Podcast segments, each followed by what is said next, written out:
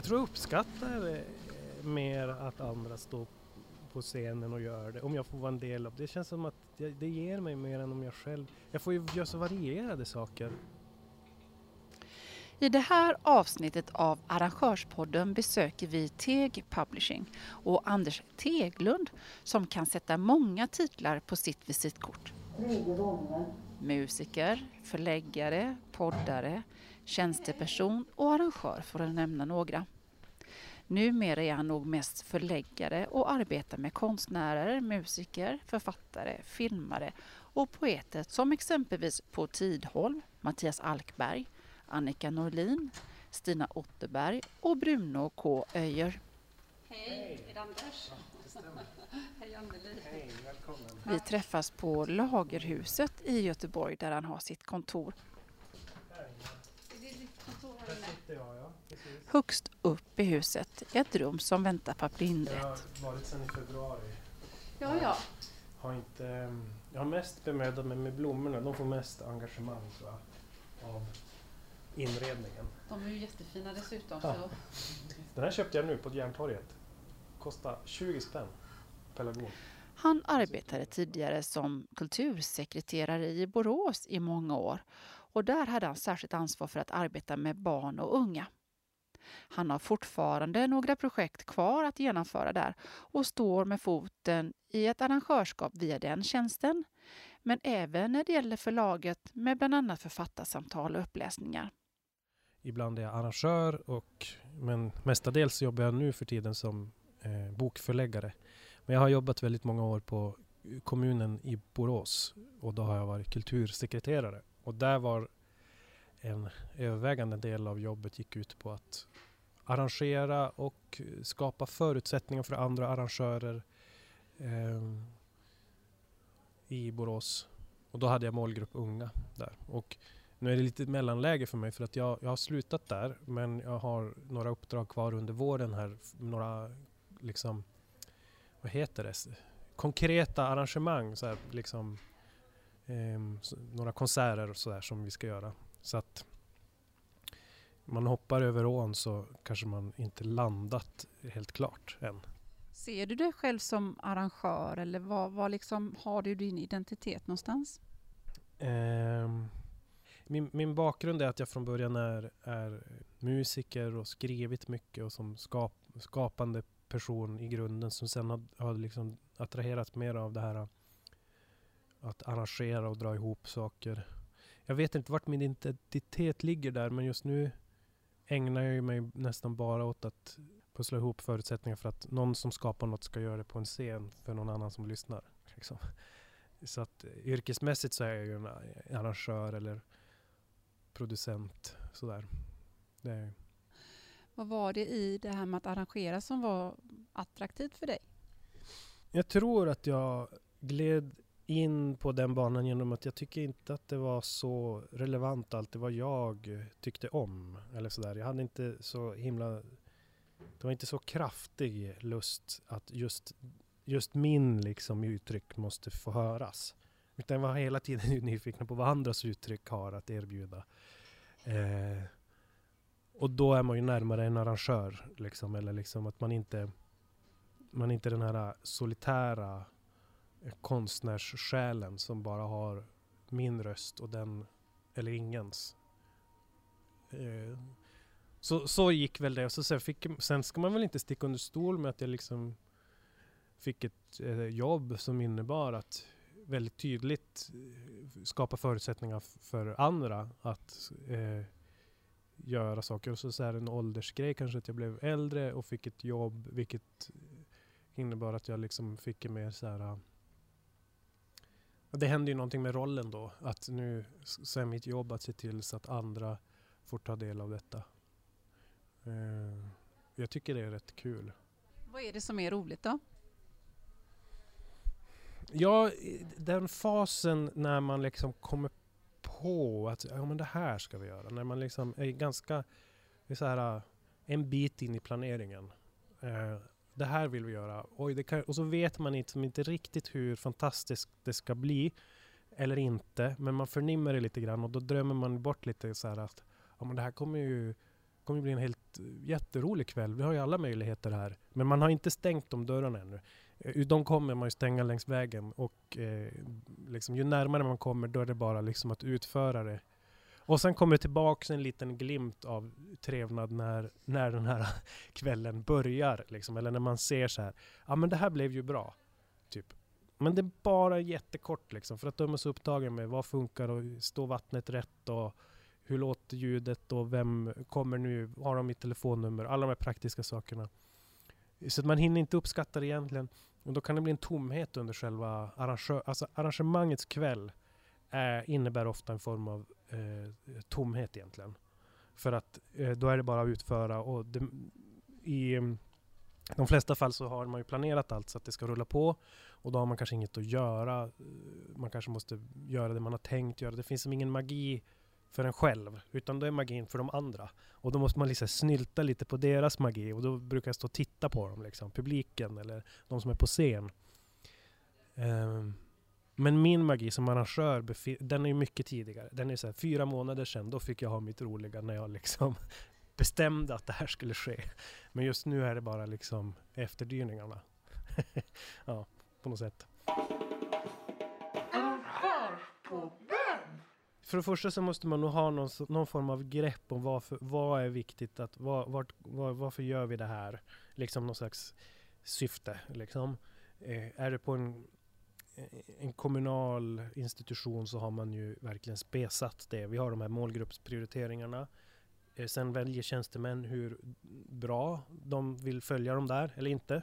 Men om man då som jobbar, när vi jobbar med förlaget eh, då är det ju ett litet förlag så vi kanske inte riktigt har samma stomme av mål. Liksom. Men vi har ju någon form av, där är det ju mer en magkänsla av det här tycker vi är viktigt att få se blomma ut.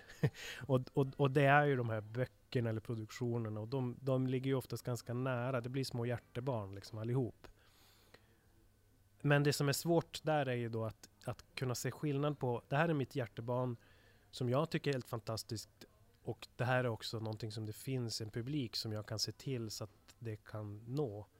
Och då kan publiken ibland vara eh, ganska liten men tillräcklig och att det kanske kan finnas något stöd från eh, kultursektorn så att man kan få någon ekonomi i det. Då är den målgruppen trygg. Och finns det inte det eh, så blir det ju liksom svårt att genomföra. Man måste liksom lösa den här eh, målgruppen och eh, vad ska säga, distributionen av ens hjärtebarn. För gör man inte det, då är det lätt hänt att man gör det här hjärtebarnet som ett, ett stort ideellt eh, projekt. Som eh, kanske går jättemycket back. Och det kanske är okej. Okay, om det är så mycket hjärtebarn så att man är värd att offra det. Och det har vi ju gjort. Vi gjorde en dokumentärfilm till exempel som vi ägnade sex år med att göra. Och det var fantastiskt hela vägen. Och vi förstod att det här är ju liksom inte något... Det här kommer vi... Vi får se vem som ser det här. Liksom. Vår familj kommer se det, våra vänner. Och så sen kan vi se om vi, ser, om vi hittar någon fler.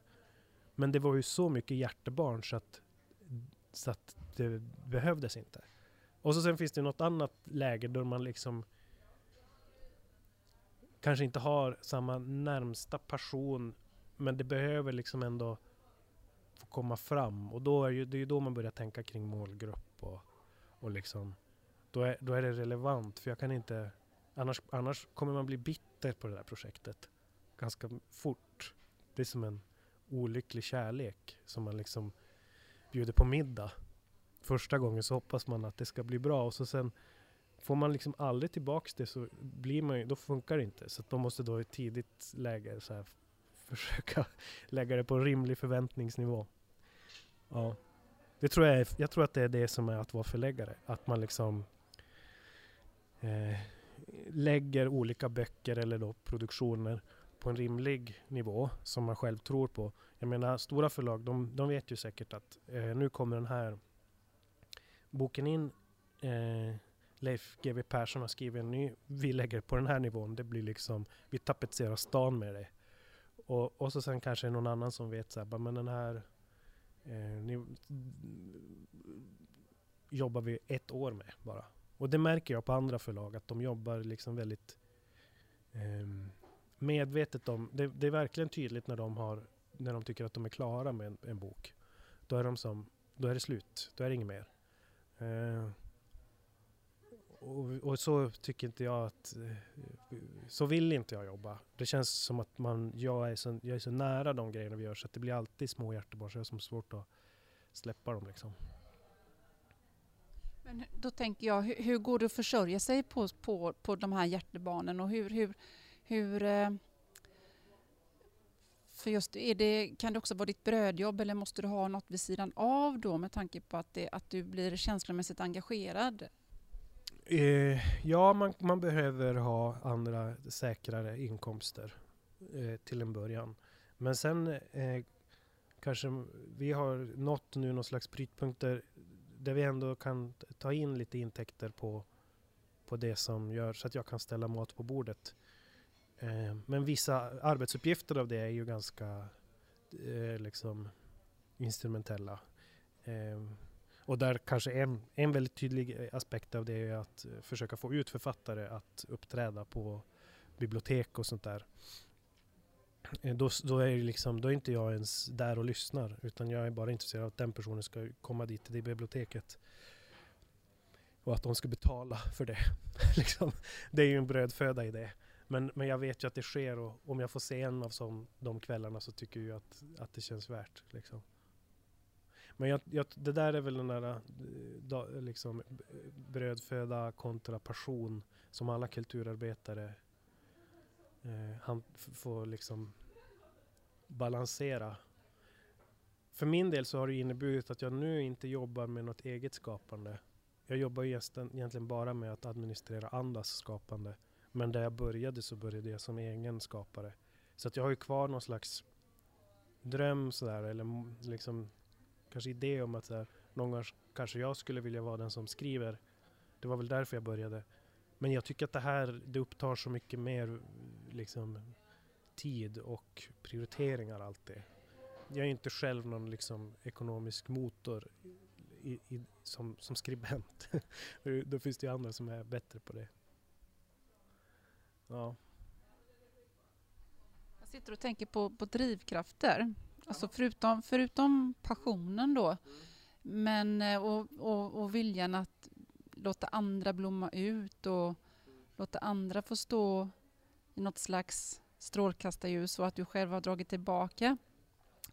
Eh, men vad är, alltså jag tänker, vad är det som är den bakomliggande drivkraften bakom det? Vad är det som är det fina med att se någon annan blomma? Eller och det är ju någonstans den delen av arrangemanget som de här fyra månaderna innan när du börjar planera, att det, det, det resulterar i någonstans liksom. Så vad är drivkraften kring att se andra blomma eller? Ja men någonstans alltså, till, till att du arrangerar. För det, det, som, det har jag förstått utifrån vad jag hörde säga. Mm. Att det är det som är någonstans din drivkraft. Att, att du tog ett steg tillbaka till förmån för att egentligen lyfta andra. Ja. Och vad är det då i detta liksom som är... Vad är det med de andras stund på scenen som är så viktig för mig? Eh, jag tror jag uppskattar eh, mer att andra står på scenen och gör det, om jag får vara en del av det. Det känns som att det ger mig mer än om jag själv... Jag får ju göra så varierade saker som arrangör. Då får jag ta del av... Imorgon då så ska jag ta hand om en Viktor Frisk som har gjort sin karriär på Melodifestivalen och ska prata om ADHD. Det, är liksom, det, det finns inte att jag skulle liksom kunna, om jag höll mig bara till mina egna, det jag har hämtat ur min kropp, då skulle jag aldrig hamna i det. Och, och, och det är ju liksom en, en ganska stor vinst med att vara arrangör, att man får sådana tårtbitar av helt andra livsbanor.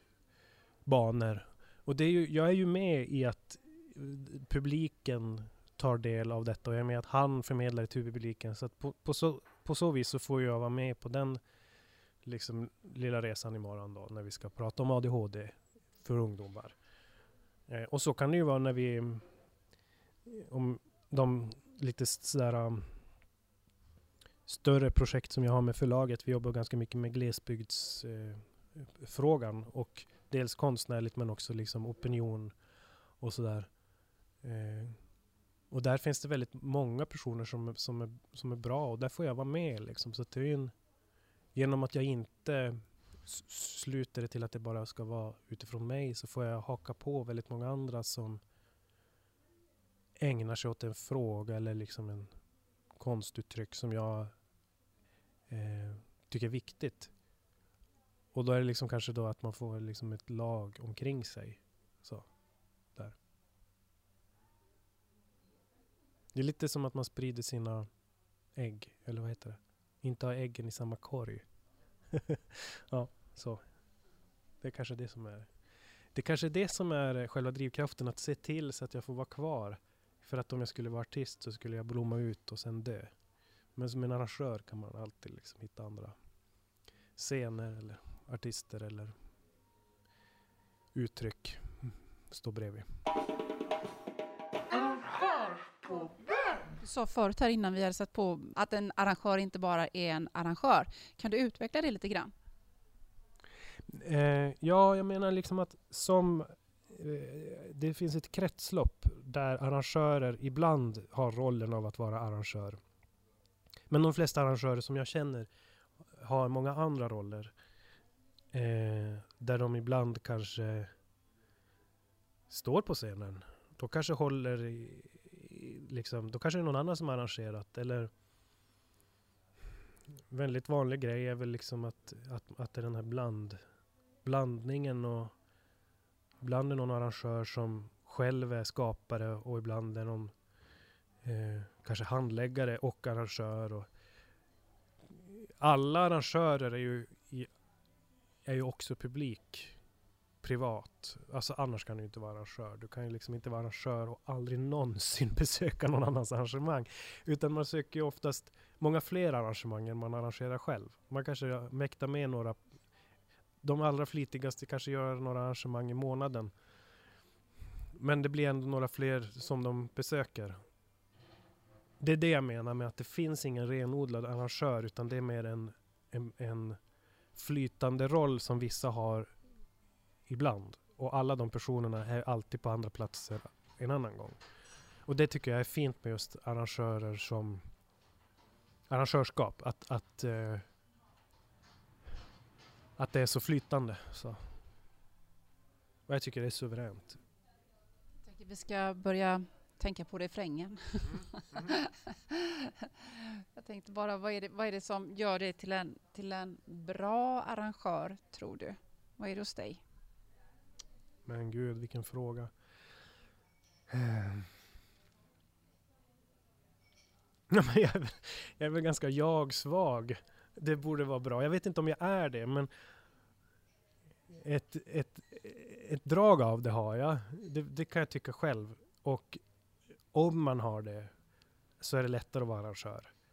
Om man inte blir kränkt av andras eh, eh, liksom stress och eh, drömmar och ambitioner som krossas. För det händer ju hela tiden, varje gång du ska arrangera någonting så, så är det ju också att du krossar någon annans dröm om, om att det ska kunna vara bättre att vara artist eller bättre att vara publik eller sådär.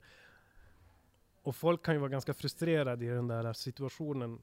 Och vissa eh, försöker täcka upp den där frustrationen genom till exempel artister har ganska gedigna kravspecifikationer men det som arrangör kan du liksom inte gå omkring och bli kränkt över eller liksom för det är ganska stötande ibland, liksom, egentligen, så här, vad, vad en artist förväntar sig att det ska finnas på plats. Eller vad en publik förväntar sig att de ska slippa ta reda på själv. Man kan ju tycka liksom att så här, men, eh, öppna dina ögon för guds skull. Men som arrangör måste man liksom, man kan inte gå in i de där diskussionerna. Så på så sätt måste man vara så här, jag-svag. Och o... Vad heter det när man inte blir kränkt? Eh, ja, någon form av... Untouchable på ett sätt. Untouchable, ja men liksom... För jag, jag, då, då lyckas man väl mer kanske förstå de olika eh, personliga, eller liksom rollerna som ska förenas kring en, en, en scen då om vi säger. Att artisten i fråga måste få sitt eh, och publiken måste få sitt. Och de kan inte själv lösa det utan någon emellan. Liksom. Och den personen kan inte bli arg åt alla håll. så går det inte. Då är det ingen som vill fortsätta. Känner du att du får svälja en del ibland eller har du, alltså, känner du inte ens att du sväljer utan bara ja, ja? Nej, jag, jag sväljer inte. Alltså, jag, jag, jag, jag slår... Jag har så, jag har så stor eh, acceptans för vad folk behöver så att jag, jag kan märka det ibland så att, att jag, jag, vet att folk blir provocerade av artisters eh, kravspecifikationer. Men jag står på artisternas sida där. Jag tycker bara att de har rätt att få det här. Om, om det är något som de inte har, som jag tycker verkar orimligt, då kan jag säga det till de artisterna och så går de ju oftast med på det för de vet ju att, att de, de, de eh, de kan inte få allt. Liksom. Och då eh, är det jättelätt att, att eh, vara vänner igen. Man får ju svälja besvikelsen som arrangör över att det aldrig blir särskilt eh, sådär på toppen som man hade förväntat sig. Det är alltid, man står ju alltid man står ju på den platsen där det blev sämst. Liksom det är den du måste hantera som arrangör. Du står inte på den platsen där det blev bäst. Kom det för lite folk, då står du och tänker på, på att vi hade förväntat oss mycket mer. Än att stå där och kanske tänka, oj, de som kom, kom. Men det är ju det man liksom hela tiden behandlar. Liksom. Så här, ja, fast de som börjar, det är ju alltid sådär med arrangörer att man liksom efteråt har någon form av krissamtal. Så här, varför blev det inte så bra som vi hade förhoppats? Ja, men de här grejerna var ju ändå bra. Det, man får tänka lite så att det är långsiktigt, vi jobbar upp en publik. Så här. Det är alltid bara ett sätt att hantera det där skiten man har fått liksom svälja. att det var som känns lite ouppskattat eller kom ingen folk eller kom för mycket folk. Men och ölen tog slut. Ölen tog slut. Nej, jag vet inte vad det kan vara. Liksom. Men det finns ju alltid någon form av, av eh, behov av att eh, bearbetare. Sådär. Ja, det är den där. Det, och, det, och jag tror det är därför att man som arrangör alltid får stå där det är som sämst. Liksom. De andra har kanske fått betalt och gått hem och ligger och sover. Så står man där och städar och bara tycker det blev stökigt för att det var för mycket folk. Eller något sånt där. Ja.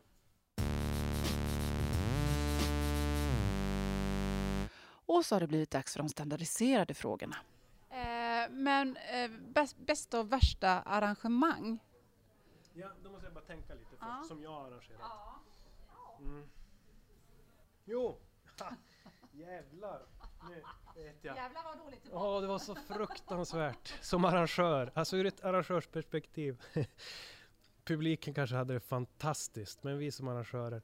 Jo, det sämsta då, det var för några år sedan när vi skulle i Borås arrangera något som heter Kulturnatt och då var det jag och min kollega som gjorde det. Som, och, och då är man producent och liksom arrangör för en hel rad massa och det fria kulturlivet ska in så man har liksom väldigt många aktörer att få hålla sig till och de ska in i Kulturhuset.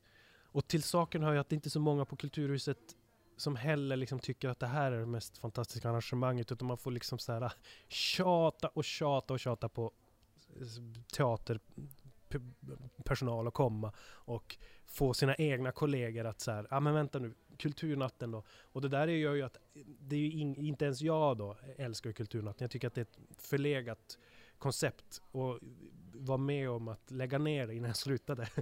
Men så kulturnatten då, som, som, som var liksom en, en övervintrad arrangemang som många uppskattade. Det har funnits alltid, skulle vi då göra. Och då samtidigt så kommer liksom VGR och ville ha ut sin operaföreställning Rigoletto i liksom regionen. Det är så kulturpolitiskt viktigt. De ska ut och spela i, i ett tält.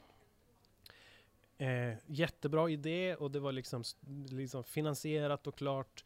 Eh, och men då var det ju som tvunget att då skulle den ligga dagen efter, eller samtidigt som Kulturnatten under tre dagars tid. Så det kom ju på den här jäkla tältet. Eh,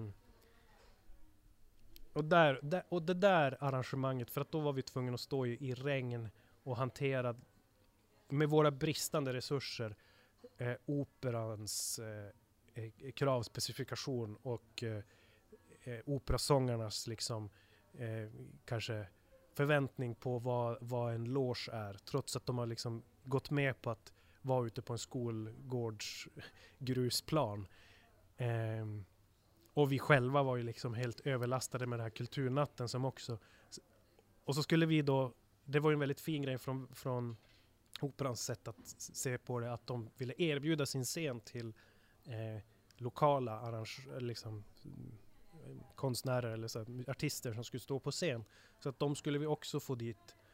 Eh, och de blev ju också ganska besvikna för det, det var liksom ingen, ingen vidare drag från publiken heller. Och, och det värsta med den här Rigolette och Kulturnatten var att jag och min kollega sa det, det första vi sa att, till vår ledning att det här kommer inte gå.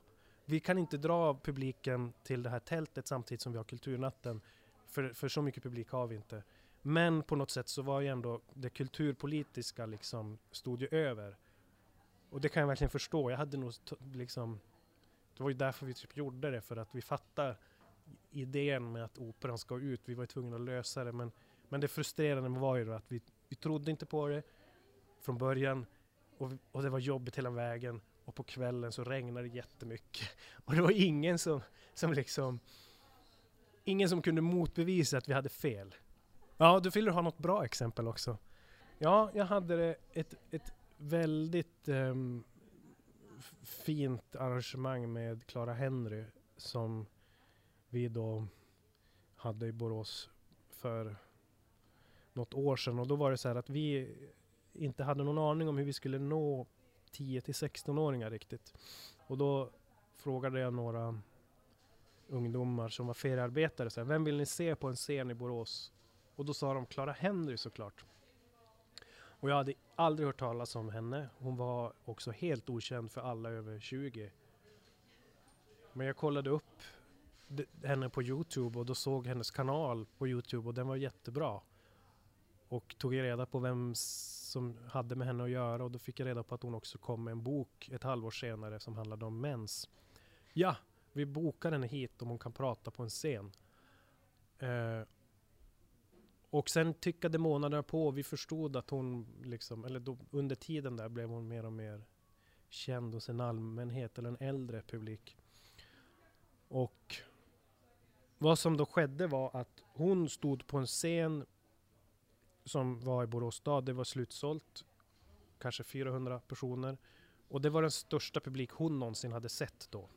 Det var en stor, som jag upplevde det där och då, väldigt stort. Liksom. Och så sen hade vi en publik som gick dit som dessutom fick höra ett ämne som jag inte tror någonsin har skett i världshistorien. Det är att en ung kvinna berättar eh, om mens för, med syfte att liksom ta bort tabut och prata om Eh, kritisera reklam och, och, sånt där för en ung publik. Det är inte liksom en barnmorska som pratar i ett klassrum utan det här är liksom den coolaste människan som finns. Och den spänningen som var där, den var ju helt otrolig.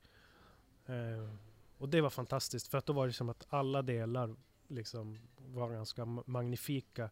Och det som var då liksom för min del mest fantastiska var ju att det här, det, det, var ju inte för mig. Jag hade ju bara fått ett tips av någon som vi liksom sen förstod att det här är en publik och liksom det är, det är så en arrangör ska jobba. Jag ska inte ta dit mina idoler utan jag måste hitta de där andra, andras idoler och förstå vad de, varför de är så viktiga. Har du några tips om man nu sitter ute i regionen och, och eller i landet också för den delen, kanske till och med, eh, och har den här podden om man är sugen på att börja arrangera. Hur, hur tar man tag i en sån önskan? Har du no någon... Om man är sugen på att börja ja. från, från noll? Ja. Jag, jag, tycker att de flesta som är sugna brukar komma på en idé som är ganska nära dem. Och ju mindre den är desto lättare är det att den ska bli av. Um, Börja inte med en festival, liksom. börja med en kväll. Och eh, så finns det oftast, är man ung finns det ju pengar att söka och stöd att få. Är man äldre då går man genom en förening som, där det är andra människor som kan det och då kan ju den, där finns det lite erfarenhet. Man kan väl ha en förening som ung också men, men där brukar man inte ha samma tålamod att liksom så här, eh, föreningslivet är lite segt kanske man börjar väl med sin passion och så tycker man väl förmodligen att det här som är så viktigt. Varför, ska inte, varför är det ingen annan som eh, lyssnar på det? Eller varför, ni måste ju komma och höra det här. Det finns ingen som har satt upp det på en scen.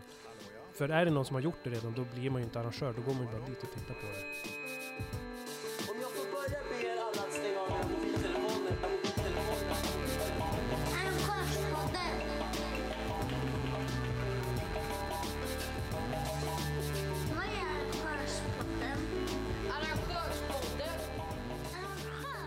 Det var allt från Arrangörspodden för den här gången.